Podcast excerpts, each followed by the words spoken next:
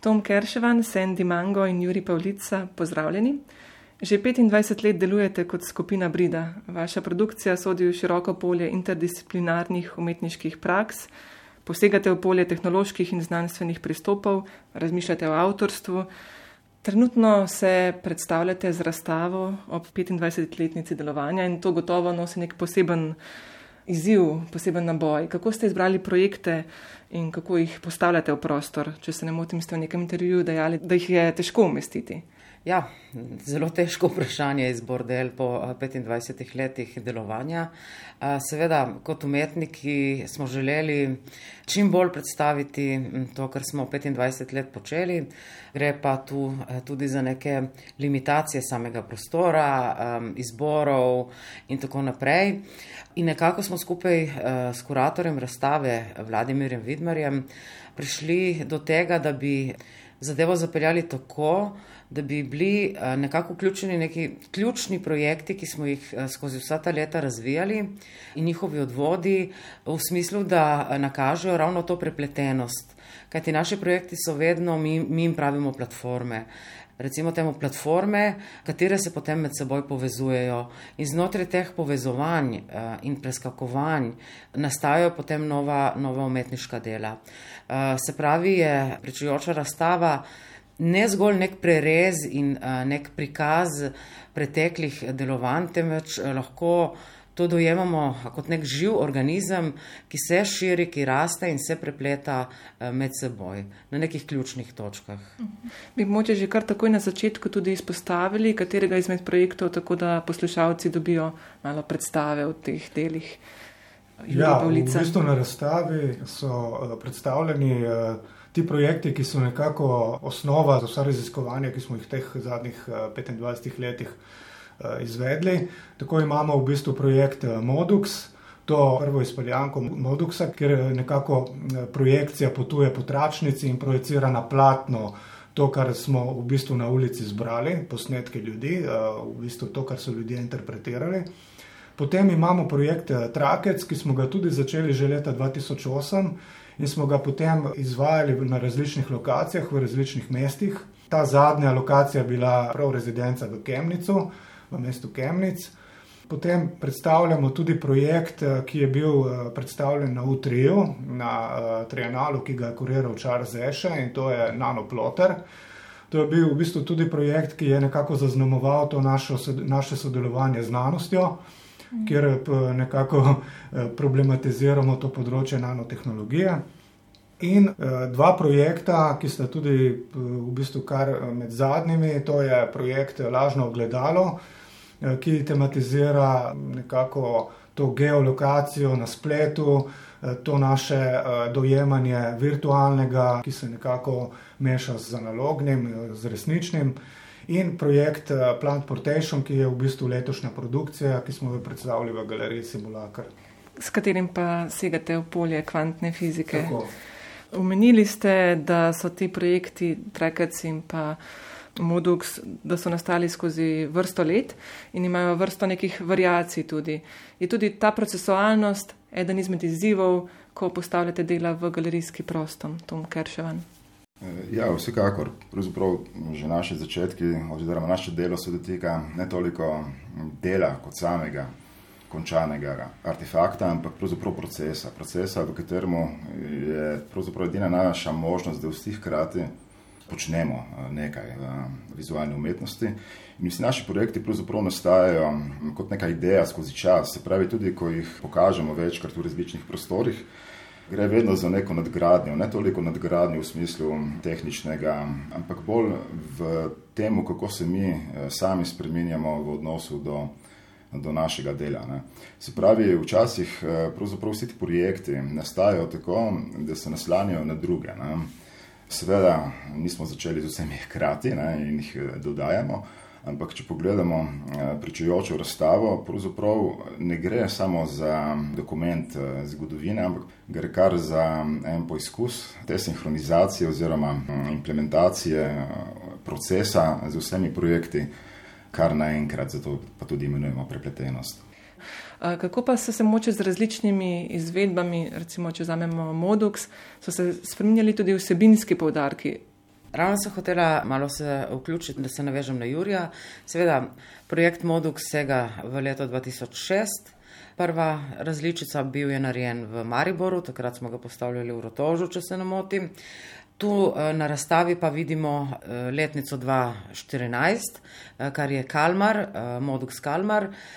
Se pravi, gre za različico, ki smo jo izvedli skupaj z ljudmi v Kalmarju na švedskem, zato so tudi švedski posnetki oziroma švedski, v švedskem jeziku je. Seveda, od 2006 do danes in seveda vmes 2014 je bilo treba seveda posodobiti tudi samo tračnico oziroma sam material ki smo ga takrat imeli, recimo izhodišnjega 2006.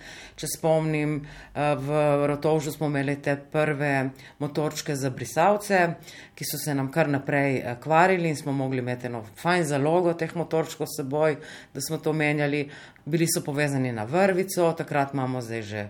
Uh, imamo verigo, imamo sodobnejše motorčke, pustili smo pa nekako leseno ogrodje, ki smo ga sami izdelali, ravno zato, da pričujejo o tem, kako se je skozi čas to nadgrajevalo in spreminjalo v tehničnem smislu, in seveda potem imamo tudi v samem konceptualnem smislu neke preskoke in odvode in a, nova vprašanja, katera a, pač projekt odpira. No, kar se meni osebno zdelo zanimivo prav pri tem projektu, je, da na neki točki ste začeli sodelovati prav z znanstvenimi institucijami, torej uporabljati neke bolj natančne podatke. In se mi zdi, da tu pridemo do vprašanja, v kakšnem odnosu se vaša umetnost znajde z znanostjo, kako pomembno je, da gre za nekaj natančnega, um, Juri Pavlica. Ja, v bistvu prvič, eh, ko smo te podatke začeli uh, zbirati z nekim znanstvenim pristopom, analitičnim, je bilo na univerzi v Mejnu v Združenih državah, kjer smo imeli v bistvu na sami univerzi možnost uh, dialoga z znanstvenim inštitutom, ki je nekako imel eh, tudi pošiljal na ekspedicije znanstvenike na Antarktiko in so nam tak, takrat prvič dali v bistvu podatke iz vrtin v ledu. In iz teh vrtin smo z, z analizo preko našega algoritma uspeli vizualizirati te podatke. Sve, na začetku je bila v bistvu so bili naši, eh, te naše analize nekako zgrajene na tak način, kot je recimo infografika v programu Excel, v zelo recimo rudimentalnem. Ne. Eh, načinu, ne, potem smo pa v bistvu ta naš algoritem eh, razvijali naprej. In eh, je bil zanimiv tudi ta odziv znanosti, samih znanstvenikov, ko so prišli na razstavo, na razstavljene slike in projekte, da so nekako zaznali nek, neko to svojo raziskavo v tej vizualni podobi. Ampak po drugi strani je za nas bilo zanimivo, da smo imeli neke egzaktne, pragmatične podatke. Ta egzaktnost in pragmatičnost je bila tista, ki je ustvarila neko drugačnost v procesu uh, nastajanja likovnega dela. Uh mhm. -huh. Če bi mi v bistvu uh, podali neke matematične neke, neke številke, bi to ne imelo neke teže, ne bi bilo to iz vidika procesa nastajanja, ne bi ustvarilo neke drugačnosti.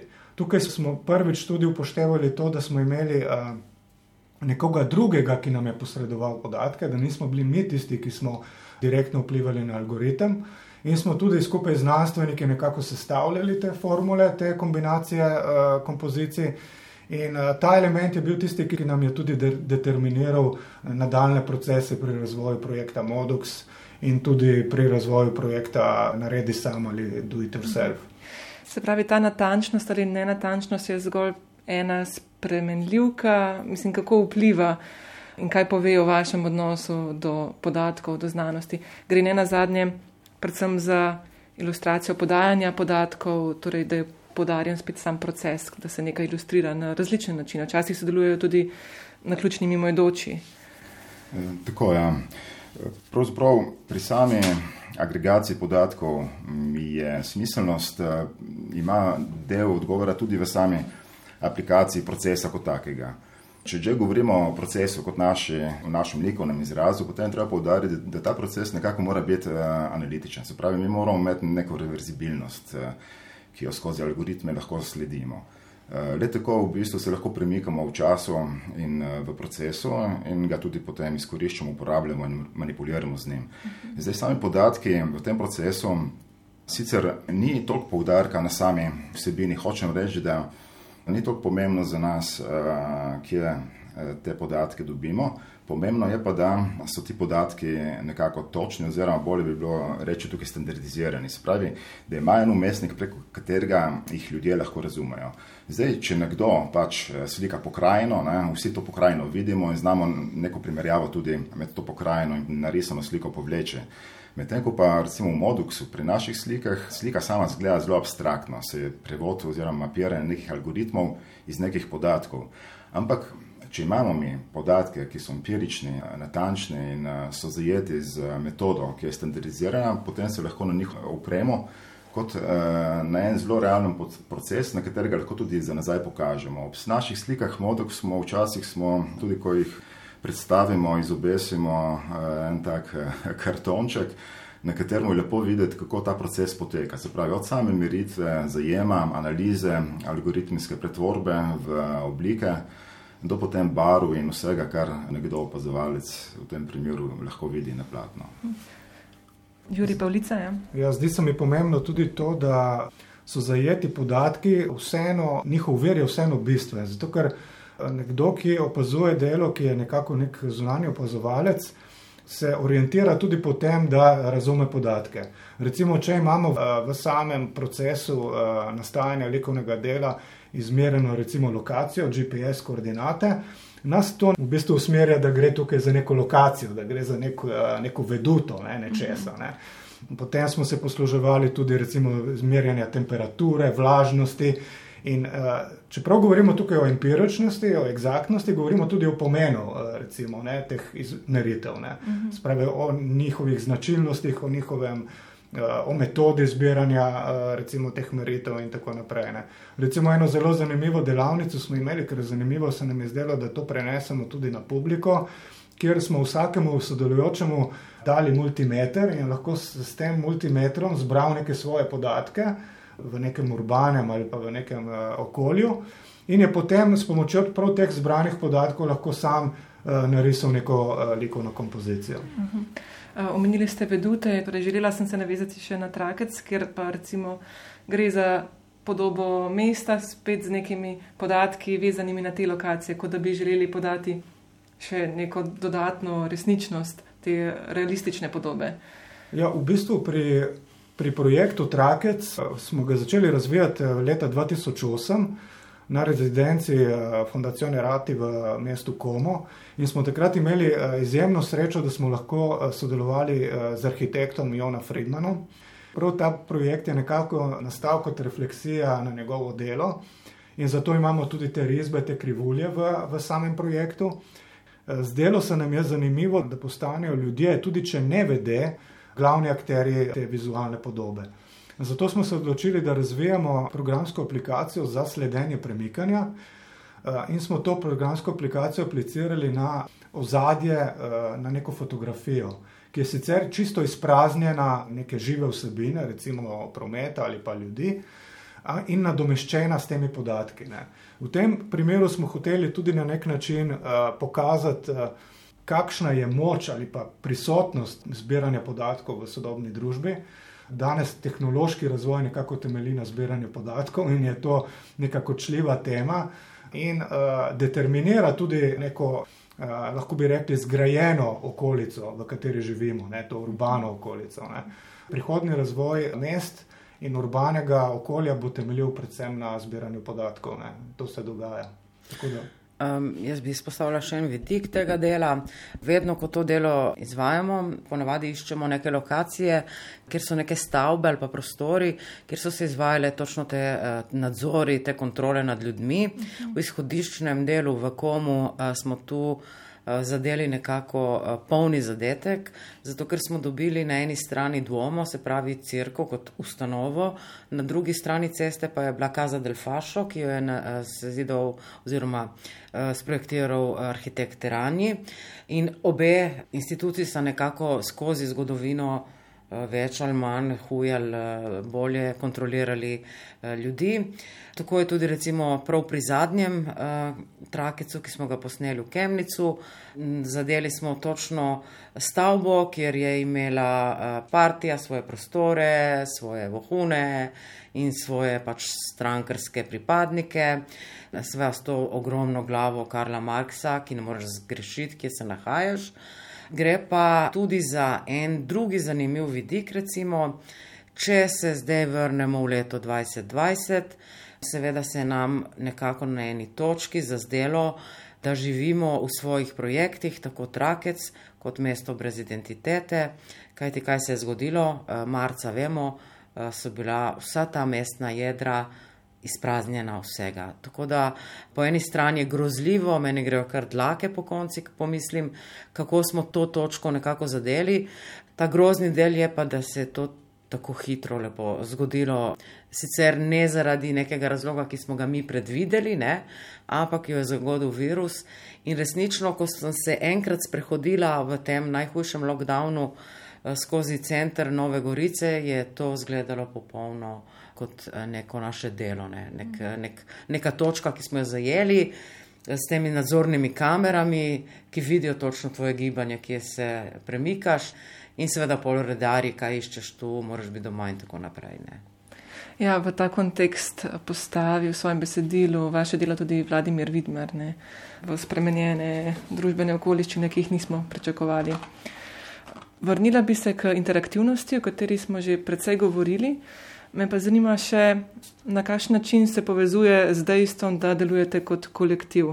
Namreč mladini se mi zdi, da so zapisali, da ste med slikanjem ugotovili, da mora biti delo treh slikarjev na eni površini sistematično, zelo podobno strojnemu programu.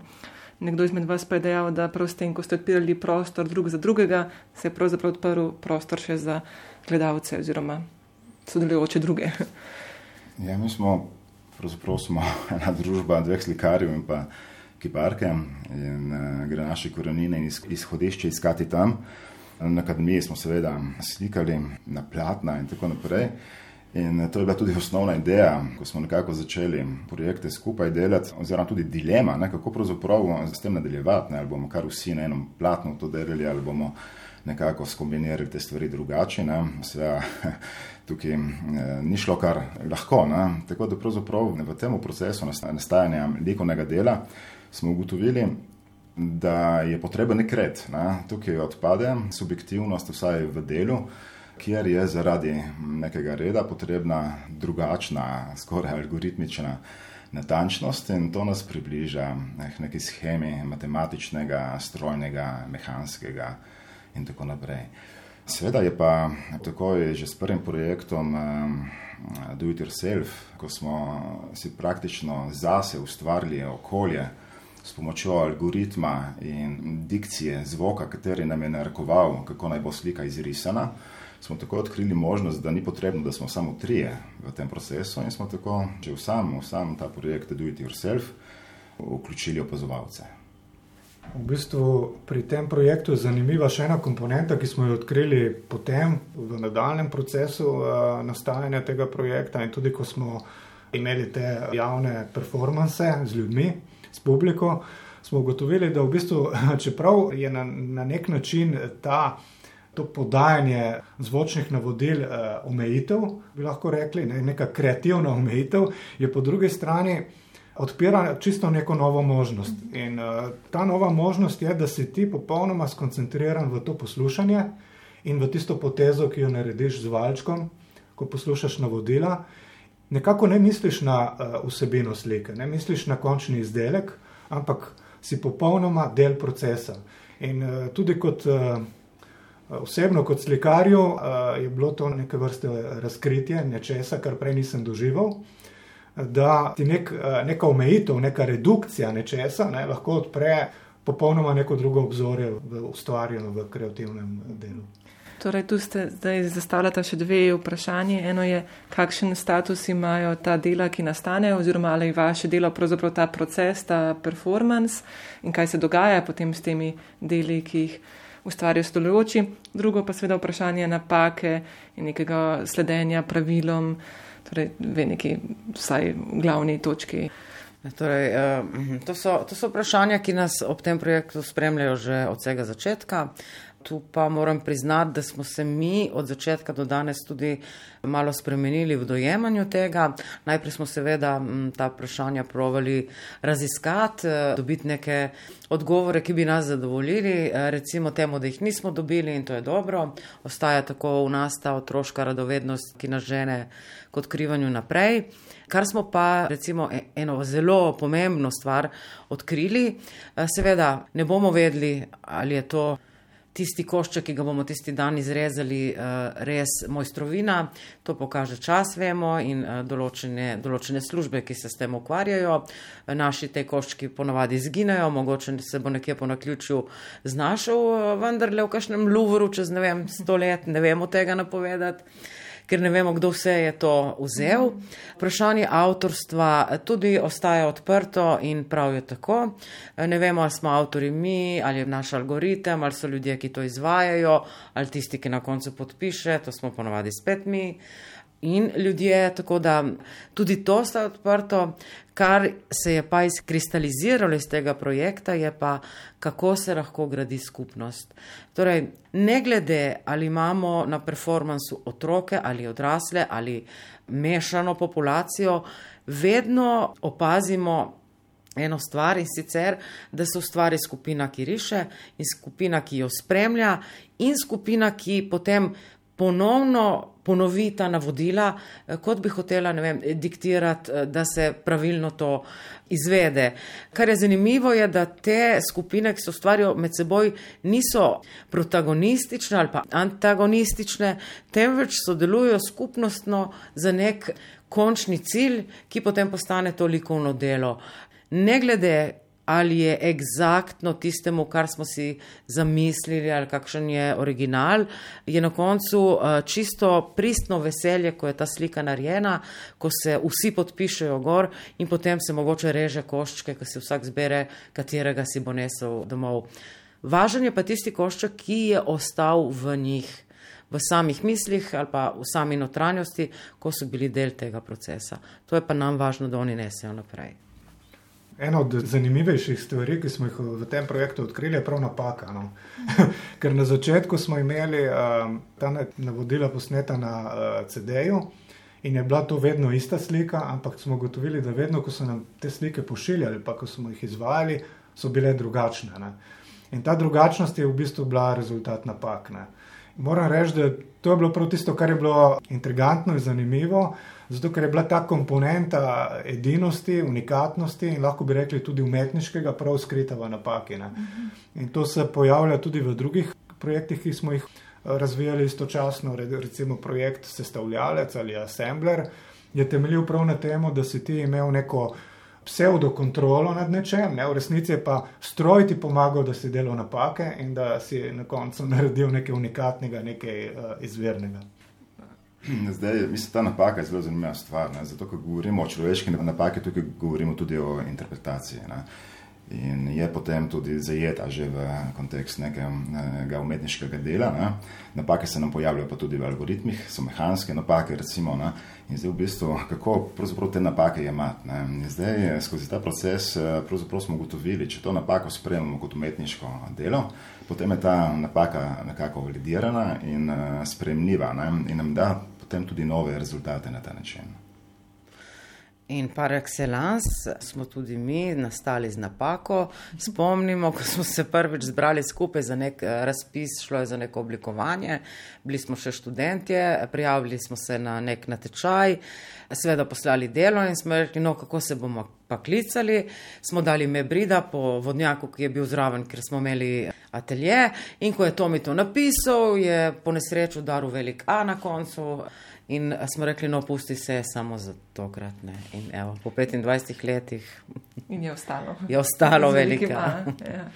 No, še nekaj bi dodala o napakah, preden se premaknemo dalje, namreč v navezavi na projekt Do It Yourself. Ida Hirschenfelder to postavi v kontekst nadrealistične avtomatične slike in pravi, če je bilo zavestno dejanje napaka nadrealistične avtomatične slike, je nezavedno dejanje napaka slike, ki jo proizvaja avtomatični slikarski programi skupine Brida. To potem pa tudi Boždar Zrinski opisuje doživeto, kako te kar mika, da bi nekaj malo po svoje naredil, ko slediš temu programu, kako se sprašuješ, ali ne bi raje še drugo barvo in tako dalje. Ja. Vse ravno, ko smo omenjamo Boždarja Zrinskega, To je šlo takrat za to razstavo o 15. obletnici v MGLC-ju in ravno on se mi zdi, da je tisti, ki nam je poslal sliko, ki je bila pa popolnoma obrnjena na glavo, ki je narisal prav za uh, ta namen, za, iz za, v bistvu. ja, iz CD-ja, prav za to razstavo je rekel, bom naredil to delo in je prišel izdelek in smo ostali vsi. Kaj je pa to? In pol, kaj smo ugotovili, on je v radiju, se mu je vklopil šafl in mu je menjal v bistvu Vrstice, vrstice. Ne? In on je totalno dobil neko novo sliko ven, mi pa totalno neko novo veselje in smo rekli, ja, pa to se da zdaj vse miksati. ne. Ampak to pa je anekdota, ki zelo dobro paše v način vašega dela in ga pravzaprav lepo urisuje. Ja, v bistvu se je zgodila naključna, naključna funkcija.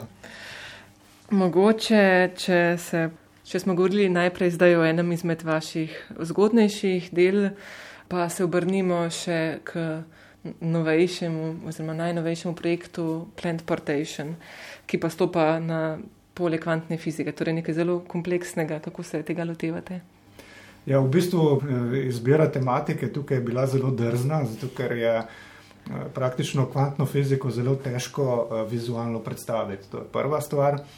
Druga je bila praktično, eh, kako začeti eh, sploh graditi projekt, kako bo potekalo raziskovanje in tako naprej. Tukaj moram reči, da smo imeli srečo, da smo dobili dva mlada strokovnjaka, enega eh, astrofizika, Andreja Brešana in znanstvenico teoretične fizike Anjo Novoser, ki so nam precej pomagali pri samem pristopu k tako zahtevni znanstveni vedi. In uh, moram reči, da potem se, se je pa v bistvu vse začelo nekako odpirati, zato ker praktično v kvantni fiziki imamo zelo malo v praksi eh, vidnih in uh, otipajočih stvari. Ne. V bistvu gre veliko uh, za računanje, za uh, računanje možnosti in uh, edini taki, bi lahko rekli, velike infrastrukture, ki jih lahko vidimo, so recimo ti pospeševalniki, kot je recimo pospeševalnik v CERN-u. Tako da smo v bistvu imeli čisto po eni strani, lahko bi rekli, olajšano delo, ker smo mogli mi praktično izumiti eh, neko strukturo, neko vizualno podlago. Tukaj smo se odločili za izgradnjo nekega medprostora, ki bi omogočal vsaj delno publiki in tudi nam, umetnikom, da vstopimo v to polje in da se začnemo nekako spraševati o tem polju. Ne. Kaj potencialnega lahko kvantna fizika prinese tudi v polje umetnosti in obratno, ker smo doživeli tudi prijetno presenečenje, da so bili tudi znanstveniki nekako osvetljeni z nekimi inputi, ki jih prej niso videli, recimo prav preko našega projekta. V bistvu je šlo za kompleksnejši projekt. In moram reči, da rezultate tega projekta so v bistvu odprli še neko večje obzorje, obzorje, ki nam eh, pomaga, da lahko naše delo, ki smo ga razvili vsa ta leta, umestimo še v nek drugi kontekst, ki daje neko dodano vrednost temu, kar raziskujemo. In če se zdaj ob koncu pogovora zazremo še v teh 25 let delovanja, mislim, da je nekdo od vas rekel, da vas je ob začetku zanimalo, kaj se dogaja v procesu slikanja oziroma nastajanja umetniškega dela, kakšen je ta odnos med umetnikom in njegovim delom in da si na to vprašanje še vedno niste odgovorili. Zdaj me pa zanima, recimo 90. so bila čas, ko je bilo to vprašanje statusa umetnika, recimo močno navzoče tudi obračunavanje z neko podobo genija, modernističnega. To se je seveda vendar nekoliko spremenilo. Kako so se pa spremenjala vaše vprašanja, tudi mogoče s spreminjanjem konteksta in vprašanj, ki se spreminjajo v polju umetnosti? Seveda, kot um, nek mlad umetnik in nek mlad človek, ki se zažene, ko ga pride iz šole in se zažene v ta svet, uh, idealistično gleda in potem pride cel kup frustracij, ko se sooči s to realnostjo. ki ni več v dometu te domišljije, kako bo to izgledalo, in se uči sprejemati dejstvo, da nad nekaterimi stvarmi pač ne moreš imeti nadzora in kontrole in fleksibilnosti, da živiš v tem svetu realno. Ne? Se seveda tudi tvoja miselnost in tudi tvoje vprašanje in prioritete spreminjajo z leti. Recimo temu, da ostaja glavno vprašanje, seveda, skozi naša dela o umetniškem ustvarjanju, o umetniku kot osebi, ki živi v današnjem času. Ne zanima nas toliko ta podoba genija, nikoli mislim, da se nismo z njo obremenjevali, da bi radi zadostili tem potrebam. Ostajajo vprašanja. Kolektivnega, ostajajo vprašanja skupnostnega, ostajajo vprašanja avtorstva. Jaz mislim, da so to neka bazična vprašanja, ki je dobro, da ostajajo, ker ti dajo zagone za iskanje naprej skozi svoje dela, odpirajo se pa seveda nova vprašanja, ampak od teh bomo čez 25 let. Ja, tukaj je zanimivo še to, da je prav ta vloga umetnika kot nekega avtorja, ki skriva neke svoje recepte v svojem ateljeju. No. Tista, ki je bila na začetku za nas uh, izziv, ne, poskušali smo nekako razbiti to to hermetičnost uh, umetnika in uh, to je potem uh, mogoče na ključno, mogoče zaradi samega procesa našega delovanja postal glavni moto, ne, kako razbivati te mentalne vzorce, ki jih v bistvu nekako pridobivamo skozi izobrazbo, skozi naše življenje in tako naprej. In moram reči, da je ta prisotnost tega simbola genija v umetniku, kot oseba, umetnik, prav en, eden od teh mentalnih vzorcev, ki ga imamo in ki smo ga mi dokazano razbili skozi ta leta. Vse zase. Je gotovo tudi za vse sodelujoče v vaših eh, projektih. Juri Pavlica, Tom Kerševan, Sandy Mango, najlepša hvala za pogovor. Ja, hvala vam in um, uživajte v razstavi.